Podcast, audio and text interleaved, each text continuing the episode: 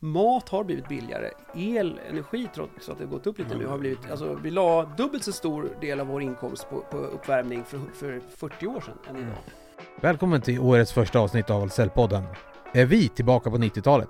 Daniel Waldenström, professor i nationalekonomi samt aktiv i princip överallt, tittar förbi och pratar om det ekonomiska läget och hur det påverkar branschens sam och framtid. Nu kör vi! Eh, Ska vi, vi kör igång? Ja, Jag har också rullar. lagt in Ja, en. Ja, jag investeringsbegäran Ja. på en sminkös. Så du vet. Mm. Vi håller Nej, jag orkar inte. Vara hur? sminkös i en podd. Ja, nej, Men det, är- det är vår första tv-kändis, Daniel. du säger det, ja kändis, det, Ja, men vad det är relativt. Lennart Weiss har väl varit med? Ja, men Lennart Weiss, han- vet du om Lennart Ja, Weiss jag känner honom. Eller jag har ju varit en del och jobbat med Bofrämjandet. Ah, pratat, okej, så det, ja. är de, några av de grabbarna känner, Ja. har jag, och, Ja. töserna har jag Men träffat han i... tv-kändis, okej han är lite politiker. Daniel, jag ska ju Men rangordna Daniel Nej okej, det är vår första. Ja, Mm. Daniel är Okej. högre. högre. Ja. Nu är alla lyssnare som är med så vi har då den som är... Är ni också kompisar? Ja, vi var... Känner Daniel, du? ja, har- jag du- känner du Daniel känner- från... Säger du alltid att du känner, alltså jag känner en tv-kändis. Men jag blir glad när jag ser dig på tv. Då säger jag till barnen så här, åh, Daniel och jag bodde grannar. We were like this. Ja, men, Mm. ja, men det var väldigt Ja, men vi var goda tid. grannar Ja, och hade verkligen. kontakt även efteråt och sådär. Så vi har haft... eh, och jag har varit, var ju på din disputationsmiddag va? Det var du. På Handels. Professor, alltså det är stort. Vi har en professor i podden, det är första Mm, gången. det är första. Ja, Mm. så det är stort. Men jag inledde som jag gör alla avsnitt. Men välkommen Daniel, hur mår du idag? Tack bra ska jag säga. Det är lite mildare eh, i luften och man lite sörjigare att ta sig hit sådär. Mm. Men det känns jättekul att få träffa folk från eh, sammanhang som jag inte så ofta stöter på. Så att det känns väldigt spännande. Det är den mest moderna sidan av samhället, byggbranschen och Ahlsell som leverantör.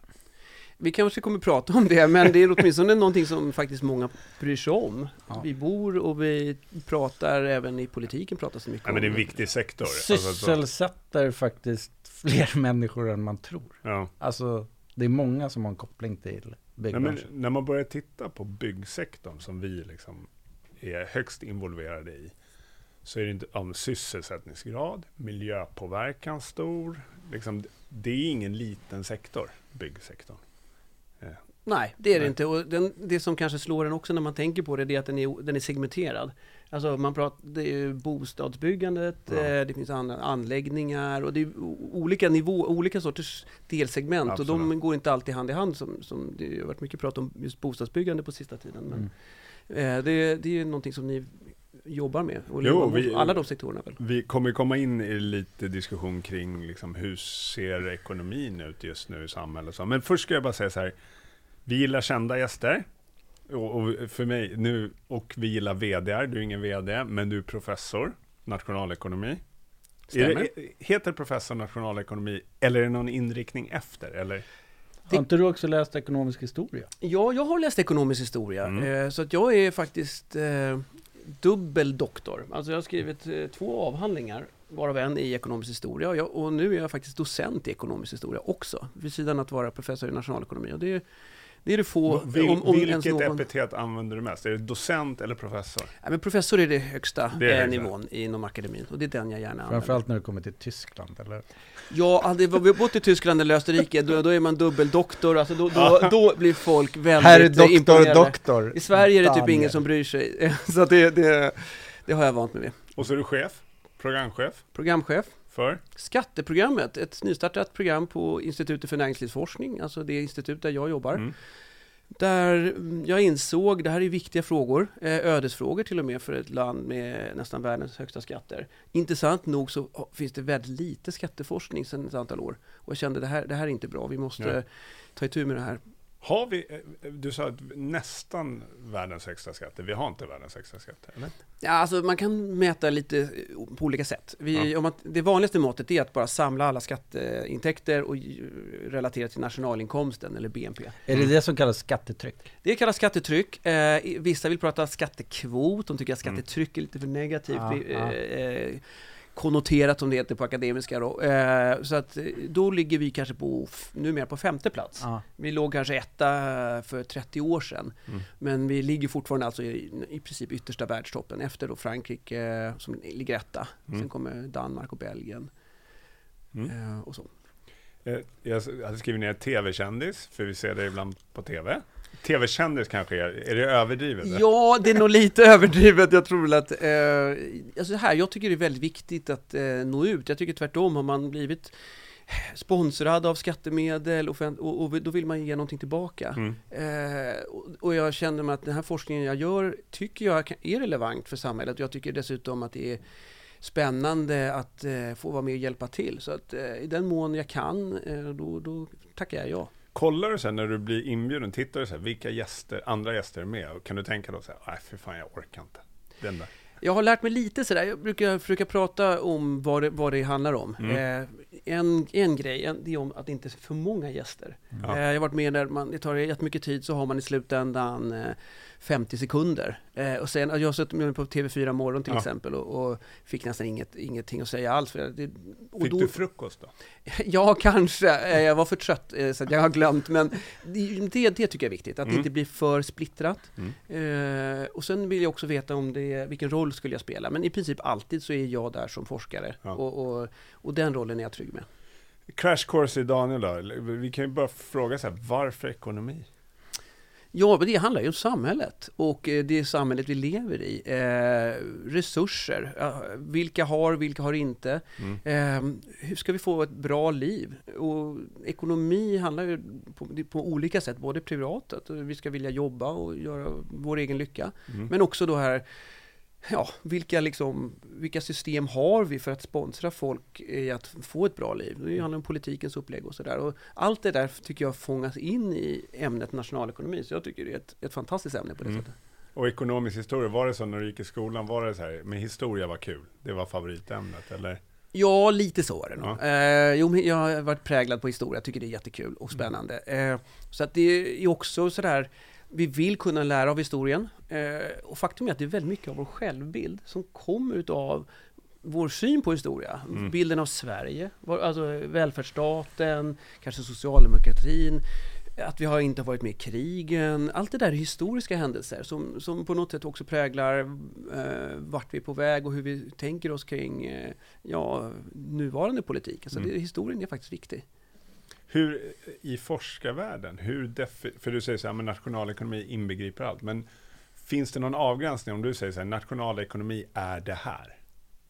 Eller är den väldigt stor? Liksom? Ja, alltså nationalekonomin, alltså den, den, den har, det har till och med breddats. Alltså. Så att, dels handlar det om ett angreppssätt. Hur ska vi studera frågeställningar och besvara frågeställningar? Det kan handla om var, var, vad vill folk ha när de går till jobbet? Varför jobbar folk? Mm. Jo, de vill tjäna pengar. Men, och det är den klassiska förklaringen bland ekonomer. Ja, man, vill, man vill tjäna pengar. Eh, sen har man börjat lära sig om att folk kanske har inre motiv till att jobba. Man vill göra, man tycker det är kul. Mm. Eh, som inte handlar om att de har lön, utan det finns till och med de som nog skulle jobba för väldigt lite lön. Och de, de är, Marcus? några, det finns de där ute, ja men vi är några stycken. Ja, ni är eh, Jag vill ju bara ha medborgarlön. Ja, Vi tar inte den diskussionen nej, nej men idag. precis. Och jag kan bara säga, okej, min, min sammanfattande ståndpunkt är, jag är skeptisk mot basinkomst och medborgarlön. Eh, det kanske har sin förklaring. Men, Ja. eh, nej men så, att, så kan vi säga, att, Mm. eh, så att ekonomiämnet har breddats, men i grund och botten handlar det lite om, eh, kan man säga nästan då, pengaflöden och deras betydelse för vad företagen gör, vad, vad, hur, hur staten, regeringen agerar, de samlar in skatter och det finns skattebetalare som inte vill betala skatt och löneförhandlingar och så det är Mm. den typen av frågeställningar men och, och hur, vi, hur vi studerar dem och hur vi tänker kring att folk, vad, vad som driver folk. Mm. Marcus, lön driver ju dig, så det, Mm. det vet vi. Absolut. Men vi Jo men det där är, det här är ju ämnen som precis handlar mycket om alltså ersättningssystem. Ja, ja. Eh, ska vi ha rörlig ersättning? Ska vi ha fast lön? mm. Eh, vad, vad triggar folk? Och, och, och det kan man lära sig. Vissa system funkar bättre än andra. Men det är väl också alltså lön, alltså när man har uppnått en viss, lö- alltså lönen har ju, när man gör så undersökningar på, på människors motivation till att de stannar kvar på en arbetsplats eller något, så är ju lön är ju typ sjunde plats eller något liksom. Så det är ju det är ändå någonting, om man har, är jag tror att det är ja. om man har en hyfsad lön. Ja, så är det. det, Mm. då är det inte det som motiverar längre. Finns det forskning gjord på det? Liksom? Ja, Vad- Absolut, absolut. Och lön handlar ju både liksom den lönen man får, eh, inte minst också lönen i förhållande till kollegornas lön. Ja, den Ja, är det. viktig. Den är Ja, viktig. den är vi. Alltså du, många, många har ju haft en, en eh, löneförhöjning på kanske 1000 kronor. Yes går hem och skålar. Eh, nu, nu, nu kör vi eh, firande. Och sen dagen efter får man höra att kollegan han fick ju en löneförhöjning på 2000 kronor. Då, Då är det inte lika kul längre. nej, Eh, så den här, både den här absoluta effekten av en högre lön, men också, eh, också den relativa effekten gentemot just det. andra. Ja. Det var tänk, tänkvärt för Mm. de som lyssnar in här. Den är en, eh, det är en viktig Som bestämmer jämförelse. vad jag och Marcus känner. Ja men exakt, vi kan börja, om vi börjar prata om vad vi tjänar så kommer vi, svenskarna vill inte ta de där frågorna, det är känsligt. Men sen är det också lön och, eh, före och efter skatt. Ja. Och jag, jag tror att vi kan göra bättre när det gäller att få folk att vilja jobba hårt. Vi, vi spenderar massor med pengar på att utbilda folk och få folk, vi tar hand om deras Mm. barn för att de ska kunna jobba. Men sen har vi väldigt hög beskattning, särskilt på, på de som jobbar hårt och många timmar och kanske utbildar sig och sådär. Och den gör att folk kanske väljer att eh, ta det lugnt istället. Mm. Vara lite mer med familjen, det är bra i sig. Långa semestrar kanske Ja, och det, snickra på. på, det beror på vad som driver den. Ja, nej men exakt. Och, men, men några drivs nog av att eh, man ska trots allt ha ett bra liv. Och Mm. det är kanske att man ska, om man jobbar länge så måste man kanske visa där hemma att det faktiskt lönar sig för familjen att jobba, jag jobbar extra hårt och, och så långa kvällar och sådär. Och kan man inte göra det eftersom efter skatt så får man inte så mycket. Så tror jag att det är många som väljer att inte ta de där extra timmarna. Men, Ehm. men en fråga Daniel. Ja. Har man tittat på, om vi pratar drivkrafter nu. Liksom om man ti- tittar Sverige kontra Tyskland, kontra Indien, kontra alltså, Kina. Är det samma drivkrafter hos människor? Alltså är det lön nummer ett, två det här eller? Sen är det Kina klart. måste du jobba. Ja, där måste vi. Det var dumt exempel. Ja men exakt, Eh, och det här är, det är en väldigt bra fråga. Det är inte, det, man säger som inom forskning säger man, det här var en väldigt bra fråga. Eh, det Då betyder det- det, betyder, det du betyder oftast att jag vet inte svaret. Okej, ja. så att, eh, Men eh, det här är faktiskt någonting som, eh, just i nationalekonomi så har vi nog en, en idé om att folk är hyfsat lika eh, när det gäller inställning. Mm. De, folk gillar mer framför mindre om det är någonting bra. Eh, de vill ha mer pengar eh, hellre än att ha mindre pengar. Mm. Eh, och, och det gör att liksom en högre lön kan motivera. Det kan motivera folk till att utbilda sig mer eller jobba längre eller sådär.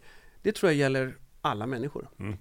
Sen kan vi fråga om det gäller lika mycket om du tjänar 25 000 i månaden eller om du tjänar eh, 125 000 i månaden eller ännu mera. Mm. Eh, men, nej, men, så den typen av jämförelser är svåra att göra mellan länder. Men eh, det har gjorts en del sådana här försök och jag tror att man, man finner ganska likartade mönster faktiskt.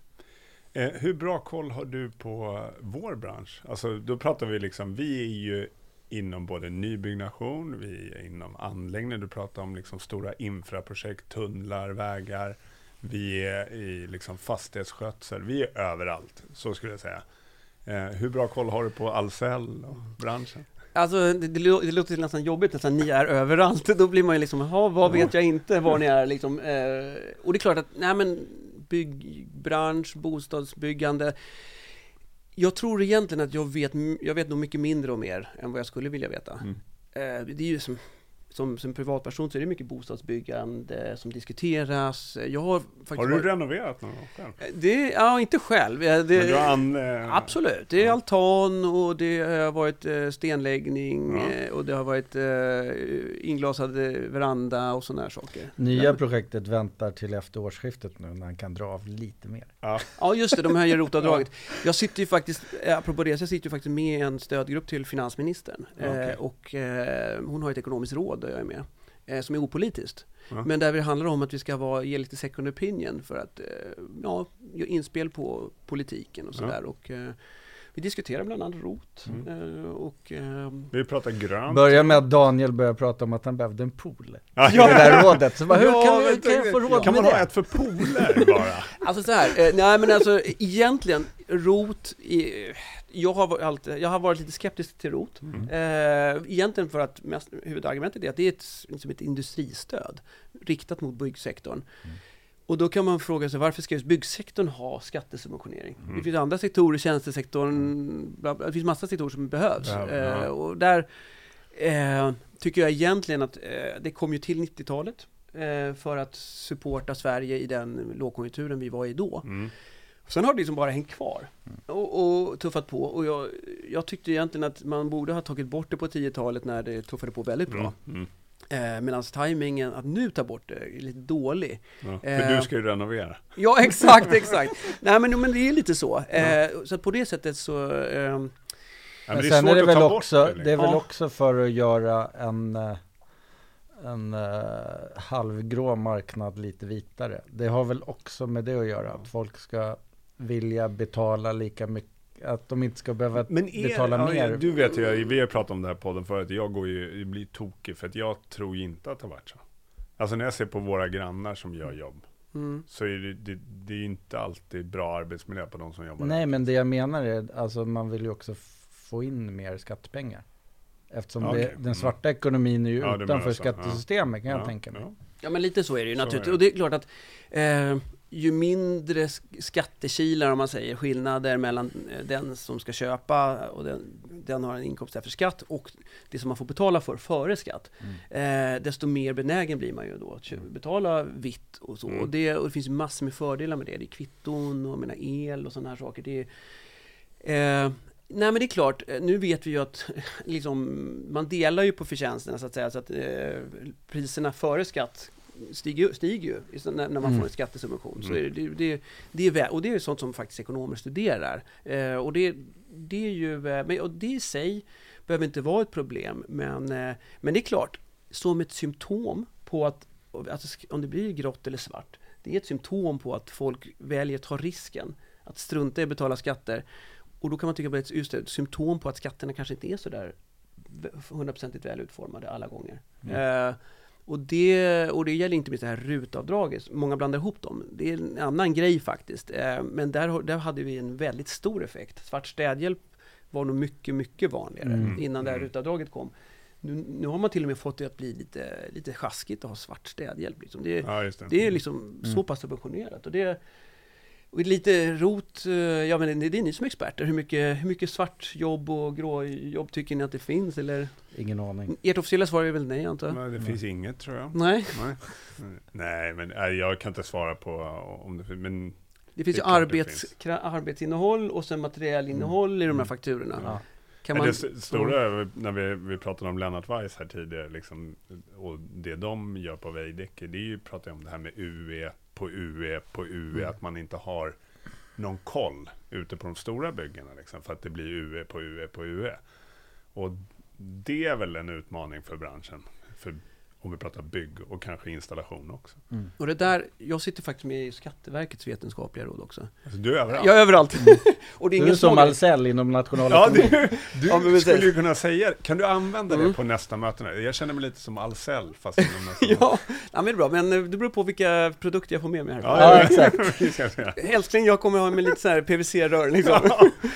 Det kan du få. Eh, nej, men i alla fall. Eh, och det, eh, jo, det är klart att där kommer vi in på en annan aspekt när det gäller eh, eh, säkerhetsfrågor, eh, kontroll på, på att folk gör, vilka som är entreprenörer på olika nivåer. Och det är klart, där sker det en del. På privatpersonsnivå har vi ju en ny myndighet i Sverige nu, Utbetalningsmyndigheten, som ska börja som samkör utbetalningar mellan olika eh, institu- institutioner, vi säger Socialstyrelsen, Ja, ja, just det eh, gjort. Försäkringskassa och Mm. sådana saker. Och det är ju jätteviktigt, alltså Mm. bidragsbrott. Mm. Eh, för de finns där ute också. Mm. Eh, och det, men vi har fortfarande, det går för långsamt att, att samordna de här myndigheterna på många av de här nivåerna. Det, GDPR. ja, precis. GDP, det magiska ordet, ja precis. Alla tystnar, Alla alla, går det, hem. ja. Eh, därför då kan man inte göra någonting. Mm. Mm.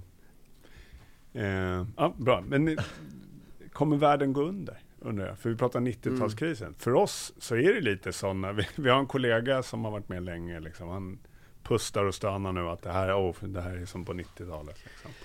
Är vi där? Alltså det här är ju jättestora frågor, jättemånga olika nivåer. Eh, Ja, men sidan, jag tänker så här, jag vet att du inte går på känslor, men liksom mm, känslan, jag, jag tycker så här, i alla fall i vår bransch, är känslan att fan, det är mörkt nu. Det är riktigt mörkt. Sen ser man ju liksom, alltså konsumtionen fortsätter ju och Jag tycker väl så här, eh, man får väl, man får, om man har lite tidsperspektiv. Jag menar, om man haft, jag menar som ni pratar i Bibeln, liksom, sju goda år och sju svåra år. Mm. Det har varit ganska många goda år. Eh, löntagarna har haft alltså reallönehöjningar 25 år i rad. Mm. Och sen får man en, en, en fördyrningschock som eh, pandemichocken och Ukraina-kriget har, har orsakat i hög grad. Och då är det som att allting går under. Vi ligger fortfarande på en, har haft gjort en jättebra resa eh, i Sverige eh, mm. som löntagare under väldigt lång tid. Det gäller ju i vissa branscher också, kanske se tillbaka på att man har haft väldigt många goda år. Mm. Sen har man en tuffare period nu. Eh, det är det ena. Det andra så det finns väl tid att liksom, vad kan man göra? Det, ibland kan det ju vara ett läge då för att förbättra konkurrenskraft. Det jag hör, det här är ni experter på, men jag satt faktiskt på middag eh, häromdagen och pratade med en byggare. Mm. Och jag frågade, vi pratade om varför är det så dyrt med byggmaterial i Sverige? Mycket, han sa det, mycket dyrare än, än andra länder, grannländer. Han köpte cement från Polen till halva priset, för mm. då hade han polska kontakter. Hur kan vi fundera på att svensk byggmarknad kan, eller byggsektor kan hitta på att få ner marginalerna för att skapa ännu större konkurrenskraft? Och, jag vet inte, nu bollar jag frågan till er helt plötsligt. Men Nej, för, det, för oss handlar eller, det om, eh, alltså vi måste ta ganska mycket betalt för vi måste ha råd att göra den här podden. Ja, exakt. Det är, det är Ahlsells stora problem. Ja. Så och danskarna vi, och tyskarna har inga sådana här Nej, de, fin, de vet inte. Nej, men det, det här är det här är väl diskuterats i omgångar i branschen. Men, men det är ju både det att nu har det varit speciellt då stort när materialpriserna har rusat. Liksom. Men vi satt ju i en situation, vi fick inte hem grejer. Och det är ju så här utbud och mm. efterfrågan. Förut hade vi tusen om man vissa artiklar, sen har vi hundra och alla vill ha tusen. Ja, men priset går upp liksom. Men, men också i det här att effektiviteten, det är ju något som vi får, att det inte är effektivt det går långsamt, byggprocessen, men det handlar ju också om när man pratar med byggare till exempel. Ärendehantering på bygglov tar ju sjukt lång tid för dem. Och, och sker en ändring då ska de ju börja om hela processen. Mm. Som gör att liksom, det, det är en väldigt tröghet, tröghet i att bygga i Sverige. Mm. Det, alltså det hör ju vi från våra kunder. Jag vet inte om det är så, men... Nej, det är inte bara... Det är, det är säkert en del eh, materialkostnad, men sen är mycket Eh, just det är långa processer. Byråkratiskt. Allting tar väldigt lång tid och sen är det ju så också att Ja, ska man underlätta byggnader, alltså ska man sälja alla tomter till marknadspriser, alltså bara få en, alltså tomten är dyr i sig liksom mm. för att man ska börja bygga, för kommunen vill ha in de pengarna liksom. Men vill de hellre ha en bostad eller vill de ha in pengar? Alltså det, Känner massa... du som jag gör nu Marcus, att man sitter och pratar med ja. en, jag sitter en och killgissar, och så gissar vi och så sitter ja, Daniel här med svaret, så känner man så här, Nej men det är därför det är kul att ha någon som vet något ibland ja, också. alltså nu, precis. Nu men, kommer facit. Nej men lite så här, alltså, nej facit, herregud, nej, men alltså någonstans min poäng var snarare så här, eh, det är flera, flera delar naturligtvis. Och det är lätt ibland att man själv gnäller och man eh, vill att andra ska stå för kalaset lite grann. Och med ja. andra, och där jag kan känna att jag är extra uppmärksam, det är när andra är skattebetalarna. Ja. Eh, när de ska gå in och subventionera eh, och och då kan man fundera på, jo men det är klart att skattepengar behövs i massa saker. Jag, jag till exempel tycker att vi har en 30 års bakgrund nu av underkapitalisering av den civila och militära beredskapen. Jag menar, mm. det är en mm. existentiell fråga. Eh, där jag gärna lägger mera pengar än vad vi har gjort Eh, och då är det klart, ska vi ta de pengarna istället och sponsra eh, delar av bygg, byggbranschen? Kanske, men byggbranschen måste också eh, kanske vässa sig ännu mm. lite bättre när det gäller materialkostnader, när det gäller effektivisering, städa upp i, det, i liksom, uh, under, underentreprenörsträsket kanske självt. Alltså, det är ofta många gånger politiker kan komma med hot då, om inte ni gör det här. Mm. Uh, och då kan man kanske skapa då drivkrafter. Men det är klart, eh, politiken kan ju ibland hjälpa till. Ja. Eh, med stöd, och det har ju skett förut och det kommer ju, och en del infrastruktur, infrastrukturprojekt till exempel, eller renovera skolor, mm. det är snabba ja, åtgärder för ja. simhallar.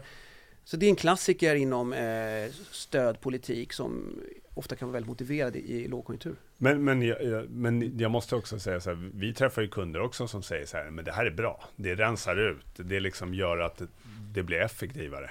Eh, så det mm. behövs ju också ibland, som du sagt, det har varit många goda år. Liksom. Men jag googlade ja. dig. Mm. Och det, ja. det låter som precis det jag, det var den enda grejen jag skrev upp här. eh, att du vill se mer tillväxt och framtida välstånd framför kortsiktighet. Det är väl det du pratar om här egentligen. Alltså att vi ska Mm. investera i det vi behöver, att allting funkar om 10, 15, 20 år. Liksom. Militären, det civila, infrastrukturen. Liksom. Det är det.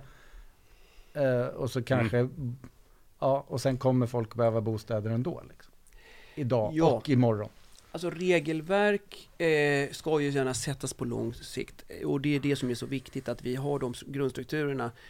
Eh, när det gäller kort sikt så kan vi ju gärna ha massa stödsystem. Sverige har ganska bra stödsystem redan från början. De, de, där vi har, om folk blir arbetslösa så får de eh, försäkringsinkomster eh, eh, som gör att de inte går under. Vi ser Mm. ju när i, historiskt här, i kriser så, så går inte inkomsterna ner särskilt mycket för de som tjänar minst därför att vi har stödsystem. Mm. I USA nu under pandemin, då var de tvungna att skicka ut checkar alltså. Mm. Eh, för annars har, har folk helt enkelt inga pengar. Mm. Så att vi, vi, vi har redan gått och undersörjt. Nu kommer dock signaler från politiskt håll att ah, vi kanske ska rucka på de här reglerna som vi, som vi införde för 30 år sedan.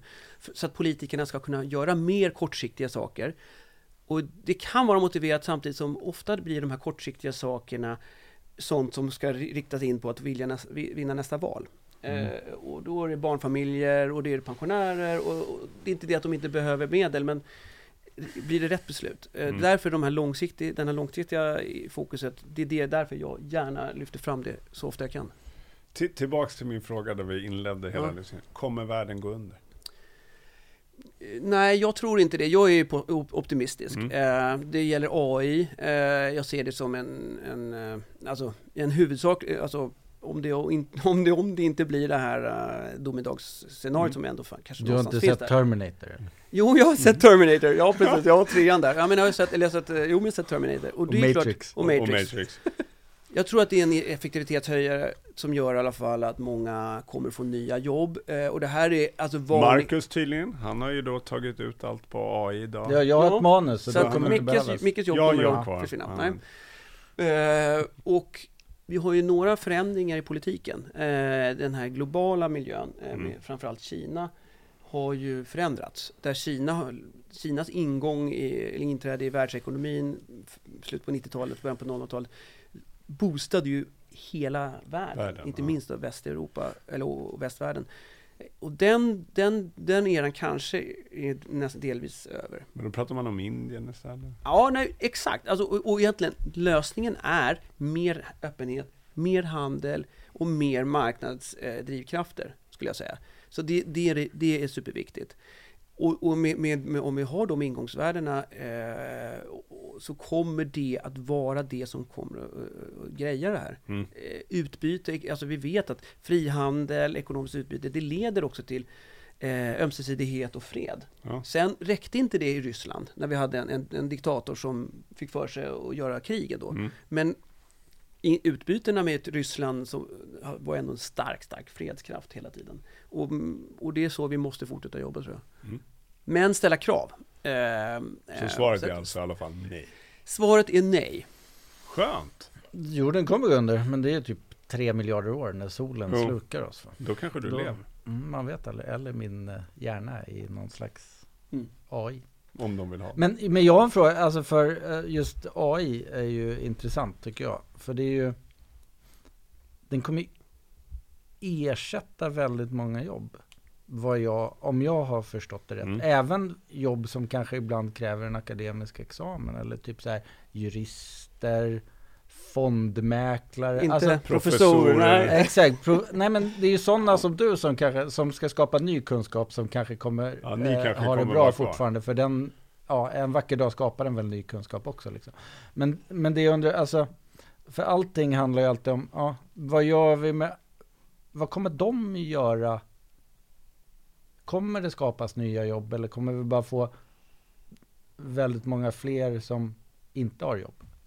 Alltså det här, det här är den stora, Eh, det här är jätte... Det här är, nu det är vi inne på filosofi och Så allt här, jag kan säga så här, tittar man på historien eh, så finns det massor med exempel på att nu den nya teknologin, nu är det slut för Spinning Jenny. Ja, alltså Ja, ja, den, ja. bi- Bilen. ja. Bilen, eh, det var en, en amerikansk industriledare som 1899 s- s- slog fast att nu har alla uppfinningar gjorts. Det var Eh, slut. nu är det var slut, liksom liksom. nu har vi kommit liksom i mål. Även den här killen på Nokia. Alltså, det Som inte trodde på smartphones. Nej men, nej, ja, men han har inte kvar, hade inte kvar sitt jobb nej, men alltså, Han är väl professor idag? Ja, ja, även, ja, men alltså så här, eh, jag tror nog att eh, det kommer bli förändringar. Ja. Eh, en del av dem är trögare än, än eh, vi kanske skulle tro. Det finns en, en, en lag till och med för det här. Eh, Amara's Law heter den. Och den är egentligen, när det gäller stora teknikskiften så har vi en tendens att överskatta deras eh, genomslagskraft på kort sikt. Men, vi, men samtidigt också att underskatta genomslagskraften på lång sikt. Mm. Så det är klart, vi tror alltid att allting ska gå så mycket snabbare än det gör och sen ser vi fortfarande att folk, ja men det sitter ju eh, receptionister och sekreterare överallt ändå. Men vad vi kommer att få, vi kommer ju ha fler tjänster eh, i olika miljöer på ett annat sätt kanske. Vi kanske kommer ha lättare att få lagad mat av någon på kvällarna. Eh, vi kommer ha fler som hjälper till och serverar och sköter om våra, våra fastigheter kanske. Eh, och, det, och massa nya tjänster som kommer att uppstå. Liksom. Mm. menar, eh, och, vi- och faktum är att i takt med att innovationer gör saker och ting billigare eh, så kommer nog inkomsten räcka till även, för, även om man får en lägre inkomst. Alltså, mat har blivit billigare. El, energi, trots att det har gått upp lite nu, har blivit... Alltså, vi la dubbelt så stor del av vår inkomst på, på uppvärmning för, för 40 år sedan än idag. Ja, det där är bra. Men vad är elpriset idag. Micke? Nej, el, idag var det okej, men igår var det ju inte bra. Nej, men, men vi säger så här, LED. Eh, Ja, fatta vilken ja. innovation, ger bra ljus till nästan ingen strömförsörjning. Och det här är också det här långsiktigheten, det är det som är tillväxt. Ja. Den, och det är där svaret på många av de här frågorna ligger. Var det svar på din? Kommer du ihåg vad du Det var Du ser skeptisk ut. Ja, Nej men jag är alltid Marcus är Nej jag funderar bara. Det var väldigt bra. Nej men LED-lamporna till exempel, då, det man inte tänkte på att var, var att de tog bort värmen. Så man var tvungen att värma upp lite mer. För glödlampor gla, gav väl värme. Men, jag håller med om att det är en bra innovation med LED. De ja, men energi. Michael håller på att raljera över energipriser. Jag, nu blev jag glad när du gav mig perspektivet att så här, ja, men för 30 år sedan la man mycket mer på att värma upp. Då blev jag lite glad. nu. För jag tycker så här, shit vad dyrt det är att värma upp hus. Här. Men sen, Bor du i hus Daniel? Jag bor i hus. Ja, då, vad har du för Jag har, det, jag, mitt hus, om jag säger att det Direkt- byggdes 1977, då Ja, vet alla att det grattis. var en efter kärnkraft, eh, eller Ja. oljekriserna då, tänker man att... eh, direktverkande det, el verkar, eller? det, det där med upp, va- vattenburen värme, det är löjligt. Nej, det är Oljepannor och löjligt. sånt där. Då- det, det trodde man inte Det på. trodde man inte på. Sådana här gamla såna här gråa eh, element med sådana här radiatorer som... eh, Ja. Nej men det, jo men så direktverkande el, men då naturligtvis med, med den här eh, fläkten. Ständig, sen ständiga brusljudet, eh, luftvärmepumpen, förlåt. Ja, Eh, vad härligt. Kan man köpa bölsel? Ja, det kan man eh, Det är bra att du Där- Vi är inte... Där var det någon som fick ett pling i löneförhandlingarna. Jag, Daniel, du kanske har varit med typ så här på Sveriges Radio eller något program. Mm. Där får man inte, där får du inte säga fel. Här kan man säga vad man vill. Du Det kan finns också andra, luft, andra återförsäljare, Så skulle man ha sagt. Mm. Det Den enda som du- inte är särskilt bra. Det enda du inte får nämna i den här podden, det är någon konkurrent. Och eftersom alla är konkurrenter till oss så Ja. kan du bara nämna Ahlsell. Ja. Sorry. Jag tänker på det. Du, eh, tiden går ju. Dan, har du något att tillägga? Har du funderat på det? Vi glömmer bort det ibland. Ja, Han ibland känner mig prata lite om- Han har ett bortglömd. gammalt torp och så renoverar han det. Ja, det värms med kamin. Kamin. Bra, det är bra. Vedeld. Ved. Släppa ut sot. Och så. Ja, precis. Eh, en, Daniel, nu kanske en fråga du inte kan besvara, men skulle du säga att vår bransch, byggbranschen, är mindre effektiv än andra branscher? Typ industrin eller kommunal, statlig verksamhet? Mäter man det? Jordbruk? Man mäter det.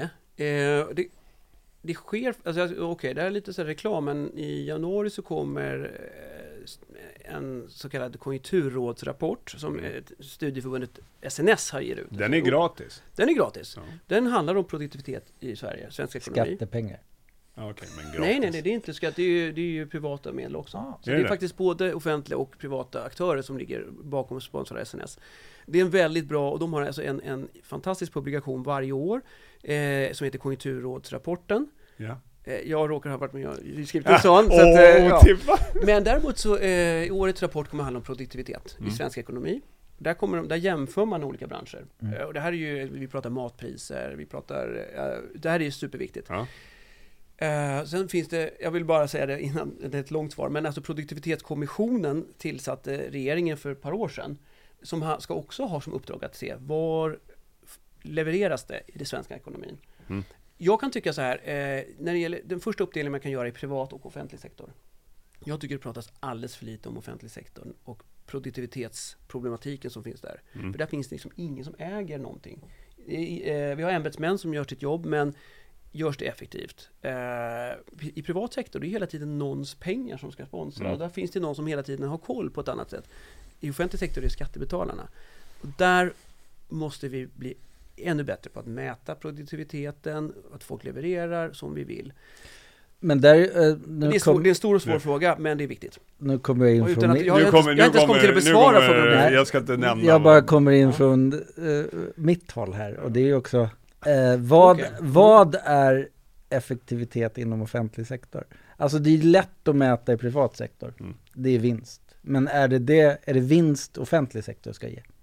Och vad är vinst i så Ja fall? men exakt, det, alltså det, det är en jättebra fråga och det är klart att det hade vi, det vet vi det blir en annan podd. Nej men precis, alltså faktum är att BNP innehåller delvis offentlig sektor och hur Mm. mäts BNP, produktionen i offentlig sektor? Vi tänker eh, vård, skola, omsorg och sådär. Ja. Jo, den mäts i, i, nationalräkenskaperna, alltså BNP-statistiken, Mm. som värdet, summan av alla lönekostnader i princip. Så Okej. kostnaden det, det, det, det finns för att producera vård, skola och omsorg är output, är det som man producerar.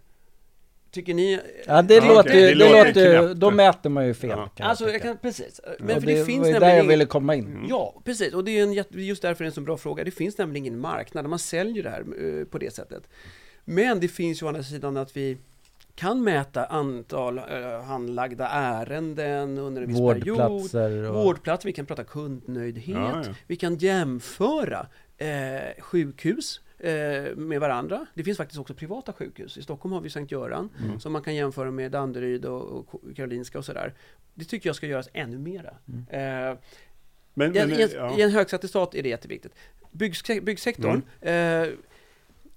Så här, eh, ju fler aktörer, eh, ju, ju lättare är det att starta byggföretag, desto bättre eh, blir det. Mm. Så har vi stor, få och stora aktörer, så brukar det leda till ineffektivitet på olika sätt. Eh, monopolliknande Mm, mm. situationer. Oligopol. Och Mm. oligopolen är nästan, det är värre på det sättet att då finns den här, de här samarbets... Ja, det. eh, och det är det som Konkurrensverket och Mm. sådana jobbar med. Eh, jag kan känna, jag kan ändå tycka att eh, det, utifrån det här med, vi pratar materialpriser och det, jag, det, på bostadsbyggnadsnivån så känns det som att det finns förbättringspotential. Ja. Så skulle jag säga. Men Ja. det här är, nu är jag, Ja, men, men, nu Ja, är jag ja, ja, lekman. du, bara det du sa på teorin bakom Mm. det här, så här, hur lätt är det att komma igång? Mm, Alltså det är lätt. Alltså jag skulle kunna starta en byggfirma och göra lite jobb hemma hos dig. mm. Jag är inte så duktig, men jag skulle kunna få igång det. Men jag skulle ju aldrig kunna gå in på ett stort infraprojekt eller bygga 300 bostäder här på Liljeholmskajen. Det hade jag, den liksom, in, det insteget är för stort. Och då är det några få kanske som har den marknaden. Men så är det väl alla liksom. Ja, men det handlar ju också om så här, hur får vi humankapital, alltså folk som kan de här sakerna. Alltså utbildning och få in folk i bygg, byggbranschen, eller- och det är ju superviktigt. Jag menar, nu har vi haft återigen bostadsbyggandet, men det kanske gäller allting med, med folk från andra länder Mm. som har kommit in. Men det säger ju någonting om att vi har folk som skulle kunna eh, få sig in i det här, men det har, där tycker jag det är en annan fråga som handlar om utbildningssystemets mm, problematik. Men det var någon som sa till mig, någon större byggare som sa att ah, men nu, det är, för oss är det problem att få folk. För Ja. de åker till Tyskland eller Polackerna åker ju hem, tillbaka. liksom. Det hörde jag nu. De har eh, bättre betalt. Ja. Jo men precis. Och alltså då det- lite så, för vi pratar, ah, det kommer vara så, arbetslösheten kommer bli så stor. Nej, han var inte säker på det. Han menar på att Ja men det gäller så också att andra, alltså vi skickar eller de som åker hem är ändå duktiga yrkesarbetare. Exakt. Så frågan är om man kan ersätta dem med andra duktiga er- yrkesarbetare som inte finns. Och där, men där, jag hörde att du också var på utbildningen, för jag är samma där. Jag håller också på att fundera på utbildning ibland. Att någonstans har vi lagt in i hela systemet att det inte är fint att jobba med hantverk. Liksom.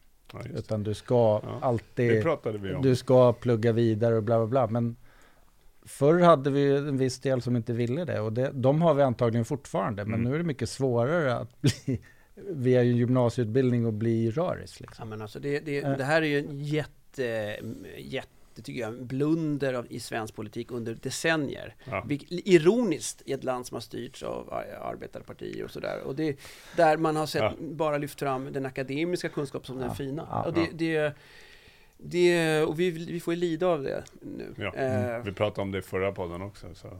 Gjorde du det? Ja men då hade vi ju... eh, Garanterat jobb. företag, Garanterat Ah, jobb. ja, jag De pratade ihåg. ju. Ja men då var du ju inne på det. Jaha. Men så här, återigen, eh, nu, nu, nu är det ju så att säga när det gäller, eh, vi pratar om yrkesgymnasier och sådana här saker Ja. inom regeringen och så. Men ibland kan jag också känna då, men vad har byggbranschen för skyldighet eller ansvar när det gäller till exempel, vi pratat om lärlingsjobb i ganska många år. Finns de? Alltså vad är liksom proaktiviteten att köra liksom breda traineeprogram, att få in folk ännu mera? Vad Ja. kan, för Det att, är alltid någon annans fel. Ja men lite så Mm. ibland, Mm. eh, i Sverige generellt sett. Mm. Eh, och där är det som att nu gäller det att kavla upp ärmarna liksom. nu, nu måste alla... Nej men, men det, det Eh, pratade vi om i förra podden. Då hade vi plåt och väntföretag. De har det här garanterat jobb. De försöker få ut eh, plåtisar och ventisar som de kallar det. Eh, men det handlar ju också på, när de har gått sin utbildning så behöver de ge en lärlingsplats. Och då, då har det ju varit så, nu kanske det har förändrats, men generellt har det varit så här, ja, ja men det är jättebra, men jag, jag kan inte ta in det, för det påverkar min produktivitet. Då ska vi ha någon som vill det. Och det är liksom, det är där det går, då går fel. Där går det Man fel. måste. Och där kan jag väl tycka att både när det gäller skattepolitiken, att, att, eh, alltså, men även då lönebildningsfrågan, det här är superkänsliga och supersvåra saker. Men jag förstår att man inte vill bara ta in någon eh, på lite vinst och förlust, ändra sin organisation som Nej, kommer ändå kosta ganska mycket. Kosta och sen kanske de går någon annanstans. Det är ju det de är rädda för. Okej, nej men alltså precis, och det, en del av de här tillfälliga stöden som man kan få Mm. eh, blir ibland problem om de är tillfälliga. För att förr eller senare, ganska snart, så kommer den stora eh, kostnaden för de personerna. Och det tror jag många arbetsgivare räknar in från början. Och därför har många sådana instegsjobb och nystartsjobb eller vad de heter. De har liksom inte le levererat. Eh, och det, men, men vad kan byggbranschen göra? Hur kan de poppa till det och göra det... Eh, jag bara, bara ställer frågan. Och det är en, nu alla måste nu- hjälpa till här. Nu kommer vi in. Jag säger att tiden går Daniel. Jag vet att du ska vidare på ett jätteviktigt möte. Sup- Superviktigt som du sa. Viktigare än det här. Ja, han ska, till och med viktigare än er podd. Oj. Punkt, punkt, Det lugnt. Jaha, skrev det är. TV. Nej, det är det faktiskt inte. Men däremot så, eh, vi ligger bra till. Så det, Ja. det, Nej, men, det, och det, men det är också så här, vi försöker hålla då podden, jag vet inte hur länge vi har hållit på, men det är säkert en 40 minuter, brukar vara det. Ja, ibland det min ibland vill man ju bara Men- köra längre. Ja, det, och det vill man ju alltid, och speciellt när man Men eh, vi har tre kan ta... Vi kan prata lite. Ahlsell kan bjuda på Men en nu, nu krogrunda. blev det bladdrigt här, Mark. Jo, men förra gästen, och du kommer också få chansen nu. Gästen innan får alltid ställa en fråga till gästen efter. Men det kruxiga i det här, det är att gästen innan inte vet vem gästen efter ska vara. Så de visste inte att det var du. Och då hade vi plåt och väntföretagen här. Eh, Sofia och Thomas, va? Mm. Thomas som var vinintresserad också, det gillar eh, Och då ställde de den här frågan, och nu får du liksom, jag har inte tweakat till den här. Hur gör ni för att få in och attrahera kompetens i er bransch? Er bransch alltså. Då är det här, hur får man folk att vilja Alla vill ju bli nationalekonomer. bli professorer? Alltså, jag menar, eh, erbjuda bra arbetsmiljö naturligtvis. Mm. Eh, en eh, möjlighet att växa. Eh, just på mitt, i mitt institut så handlar det om att vi tar in forskare, akademiker, som vi uppmuntrar gärna till att vara med i samhällsdebatten, eh, diskutera direkt med näringsliv, eh, också politik. Ja. Och de som gillar det kommer ha det väldigt bra hos oss. Mm. Så att på något sätt att lock, ja, ska jag säga, det och kanske då... Inte forskarnördar. Nej, men det är klart, vi har De ska ju vara det också. de, jo, och visst, faktum är att eh, jag tycker att vi ska, man ska se på eh, sina anställda, sitt, sin arbetsplats som ett, som ett fotbollslag. Mm. Alla kan ju inte vara anfallare. Eh, utan vi behöver de som är, är backar och, och liksom Ja. sitter, som är fotbolls, fotbollsförstörare. Liksom. Ja, Men de ska sitta och jobba med databänk, databaser, Mm. eh, liksom, och, så att hitta det här laget. Mm. Men eh, så att, jag, Ja. vet inte, jag svarar knappt på frågan känner jag. Men, Nej, men eh, det, jo, men det, Eh, Men det och- tror jag alla jobbar med, även vi. Alltså, Absolut. alltså det, att, att ha, alla ska ha en del i teamet och, och alla ska ha sin roll och vara bäst på den. ja, liksom. sen, ska, sen ska synergin göra att hela massan, summan blir större än eh, det som går in. ja. Ja, men- Outputen ska bli större än inputen. Amen på det. Alltså jag borde bli nationalekonom. Ja, det, och då om Marcus vill bli nationalekonom, vad ska han göra då? Du har ju pluggat mycket. Ja, men jag har ju inte avslutat något då. Nej, nej. Men jag har men- 50 poäng historia, 50 poäng religion har jag. Oj! Jag har 10 poäng statsvetenskap, Okej, men... eh, alltså Mm. 10 poäng företagsekonomi har jag. tror jag. Ja. Vi behöver hitta ett nytt jobb åt Marcus, hör vi? Marcus undrar fortfarande vad han ska bli när han blir stor kan Ja. vi säga. Nej, men hur gör man? Alltså då skulle... Nej, man måste ju, vad måste man ha i grunden för ens Du måste väl gå... Alltså, Alltså, väl, alltså, så här, det finns till och med de som inte har pluggat massor med ekonomi i grundutbildning eh, på universiteten. Men att ha en, en, eh, det, en, en stark... humaniora är väl... Alltså, eller kör ni Läkare. den andra Nej, det här är sidan mera, också? mera så att säga, jag menar, jo men vi kan ha tekniska fysiker eh, eller folk som har jobbat inom eh, vissa specifika branscher. Säg att du har jobbat inom... Men ni tar inte in energi. ingenjörer?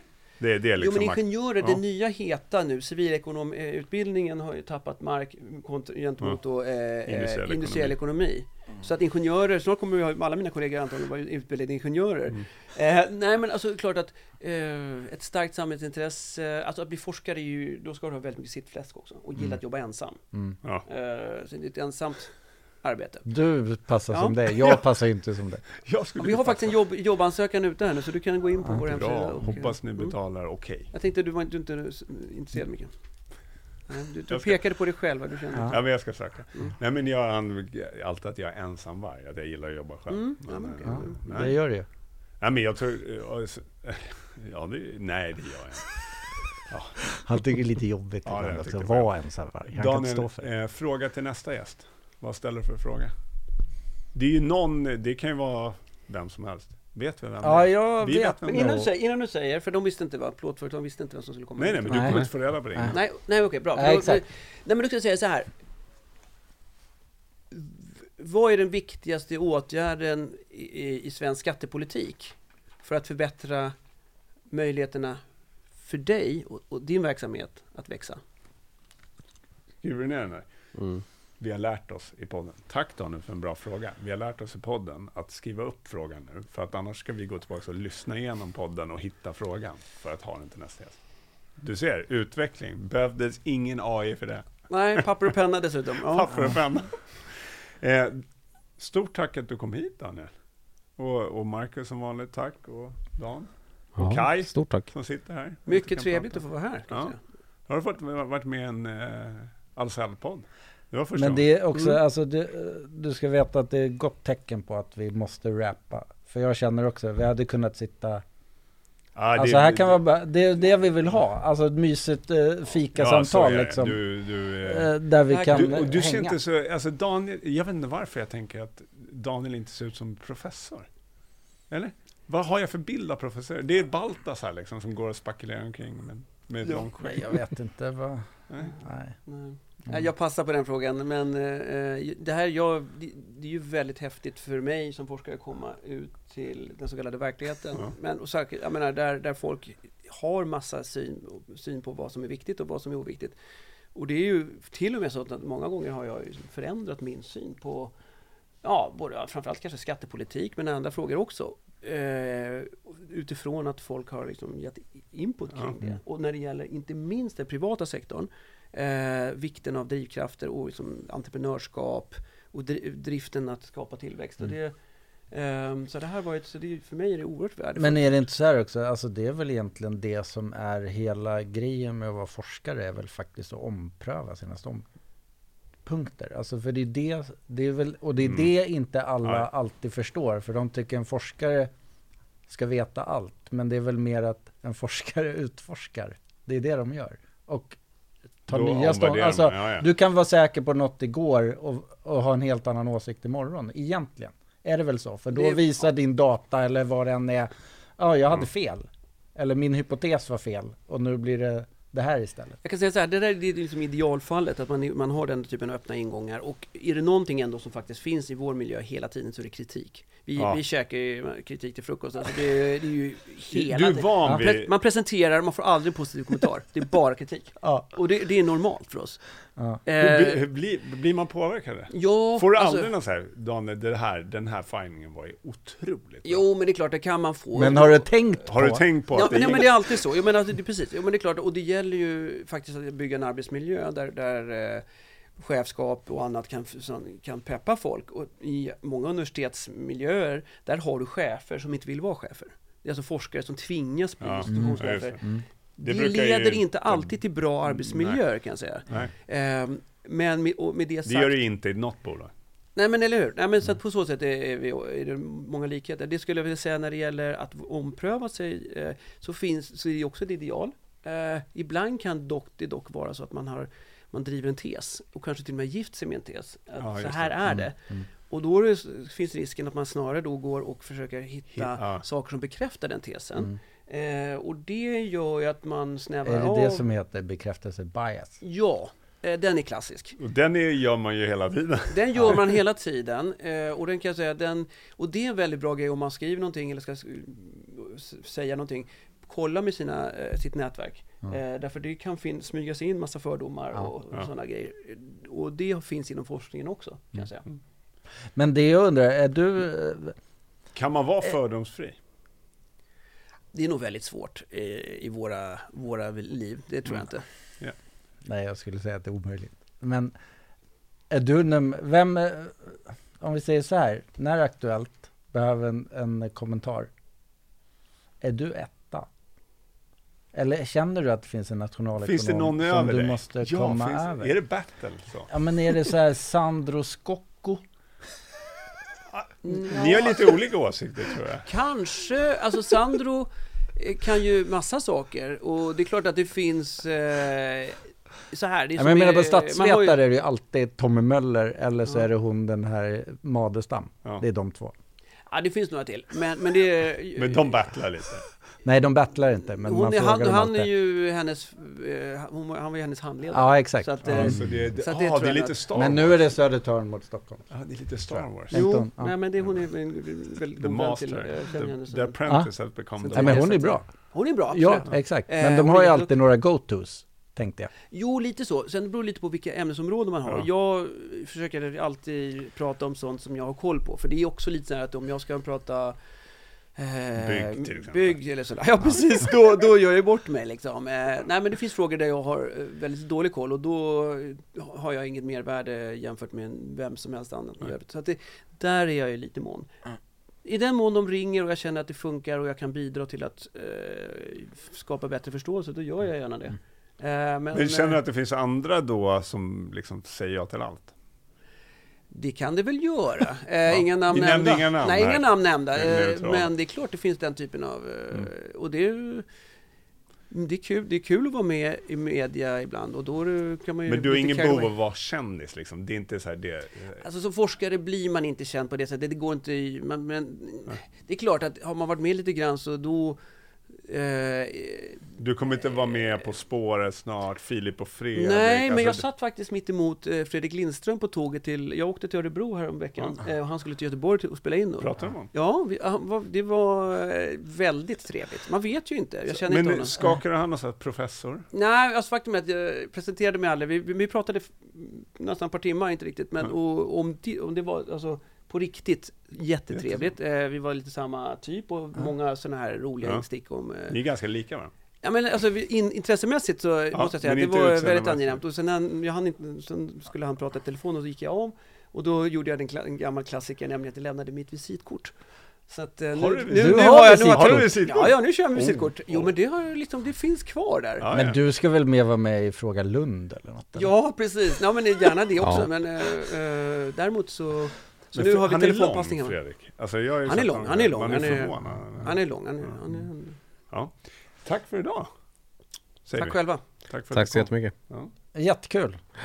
Det var som jag var på konferens i Tylösand eh, i augusti eh, så var det massor med duktiga människor, må- många VDR och sådär. Mm. Det är en sån här, ja, de är duktiga. de är duktiga, men det är Mm. många av dem superdrivna. Finans, eller statsministern var där och, och, och sådär. Och så satt jag på middagen och då var det en, en kvinna som sitter med i Bank of Englands eh, direktion, Mm. eh, hon är amerikanska. Och är, då hade vi åkt gemensamt dit i något chartrat plan. Det var ändå ganska fint och sådär, Ja. men ändå allihopa tillsammans sådär som man gör. Och hon bara, ja, hur många, hur många dussin av de här har sina privatjetter till, till, till Halmstad då? Ja. Och jag kunde bara känna spontant, nej men det var väl, jag skulle inte kunna nästan komma på någon. Statsministern. Mm. Nej, jag, alltså, men apropå nu några helikopter och privatjet och sådär. Det finns ju lite sånt i Sverige, men inte så mycket. Va? Nej, det, Det är nog vanligare. väldigt Nu är inte det, vanligt. jag, är inte, jag är inte ens med det, jag, jag rör mig inte i de kretsarna på det sättet. Men, Men, Nej, men, det var, eh, jag det, det är var, känsla men du har ju varit det. Jag var i LA med Mm. Ingrid där. Och då tänkte jag på när jag såg alla skyskrapor har ju helikopterplattor. Ja. Varenda en. Mm. Mm. Det är, Jo, men det- så är det. mycket vanligare Mm. där liksom. Att man, Men ändå inte den här explosionen som man kunde tänkt sig att det skulle kunna ha blivit liksom. Eh, Och det är klart att det är fortfarande lite väl säk- mycket säkerhetsrisker och det gäller ju de här uh, horande absolut. bilarna. Liksom där. Mm. Jag fattar Ja. inte, hur ska de lösa? Ja, Om man- om- höjdproblemet om man har flygande bilar. Om du har en flygande bil från och 50 meter, eh, jag menar ingen fallskärm, alltså hur ska du kunna liksom, om du ramlar från 50 meter, eh, att ha men det- säkerhetsanordning på jag det? känner också Buller. den tredimensionella Ja. trafiken. Det Ja. Ja. fatt, alltså, men det, Alltså- måste, det måste vara självkörande då? det måste alltså, vara det, själva. Det, det måste ja, känna men av. mm. Det blir Det- som i... Ja, men det- det- Men något som, alltså ta en enklare grej. När jag var i LA nu så Mm.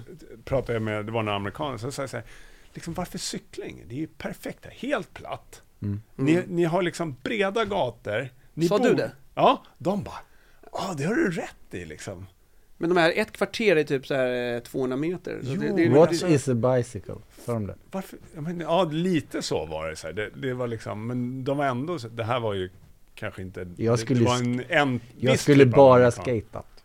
Ja, skatat eller, nej men det, när jag sa så här, jag cyklar till jobbet, de bara, Va? det är helt otroligt liksom. Sen är det klart det är mindre och det är färre bilar, det är sex filer och hej och. Det är byggt för att ha bil, hela USA. Eller? Så är det ju. Så är det. Och det- mycket av det där är ju faktiskt en del av byggprojekten även i Sverige. Det brukar jag säga, liksom den, de här eh, Förbifart Stockholm och allt som handlar om att förbättra infrastruktur i Stockholm är ju miljövänligt. Ja. Även om det handlar om biltrafik. Ja. Det är ju ofta provocerande. Men Mm. jag sov nämligen i Almedalen i eh, fjol så var jag där och på deras ekonomiska seminarium och diskuterade för, med Centerpartiet, just det. Centerpartiets ekonomiska seminarium. Och då sa jag den, den föga populära eh, saken, nämligen att det är ju storstäderna som är det gröna boendet. Mm. Där bor vi trångt, Ja. eh, uppvärmningskostnaderna är låga, Mm. eh, gemensamhetsanläggningar, allting. Så det är ju... Vad, Eh, fick du en skön Nej, men, ja, folk började skruva på sig. De, man vill gärna att eh, Odalbonden och glesbygden Mm. eh, Ja, ska leva. bra. Och det vill vi alla. Ja. Men miljövänligt är det inte. Så att trafiksatsningar, vägsatsningar i storstäder är oerhört Mm. eh, bra miljöpolitik. Men du kallar dem inte lantisar? Nej, det gjorde jag inte. Nej, Det gjorde jag det. Ja. Ska vi ha bilder eller?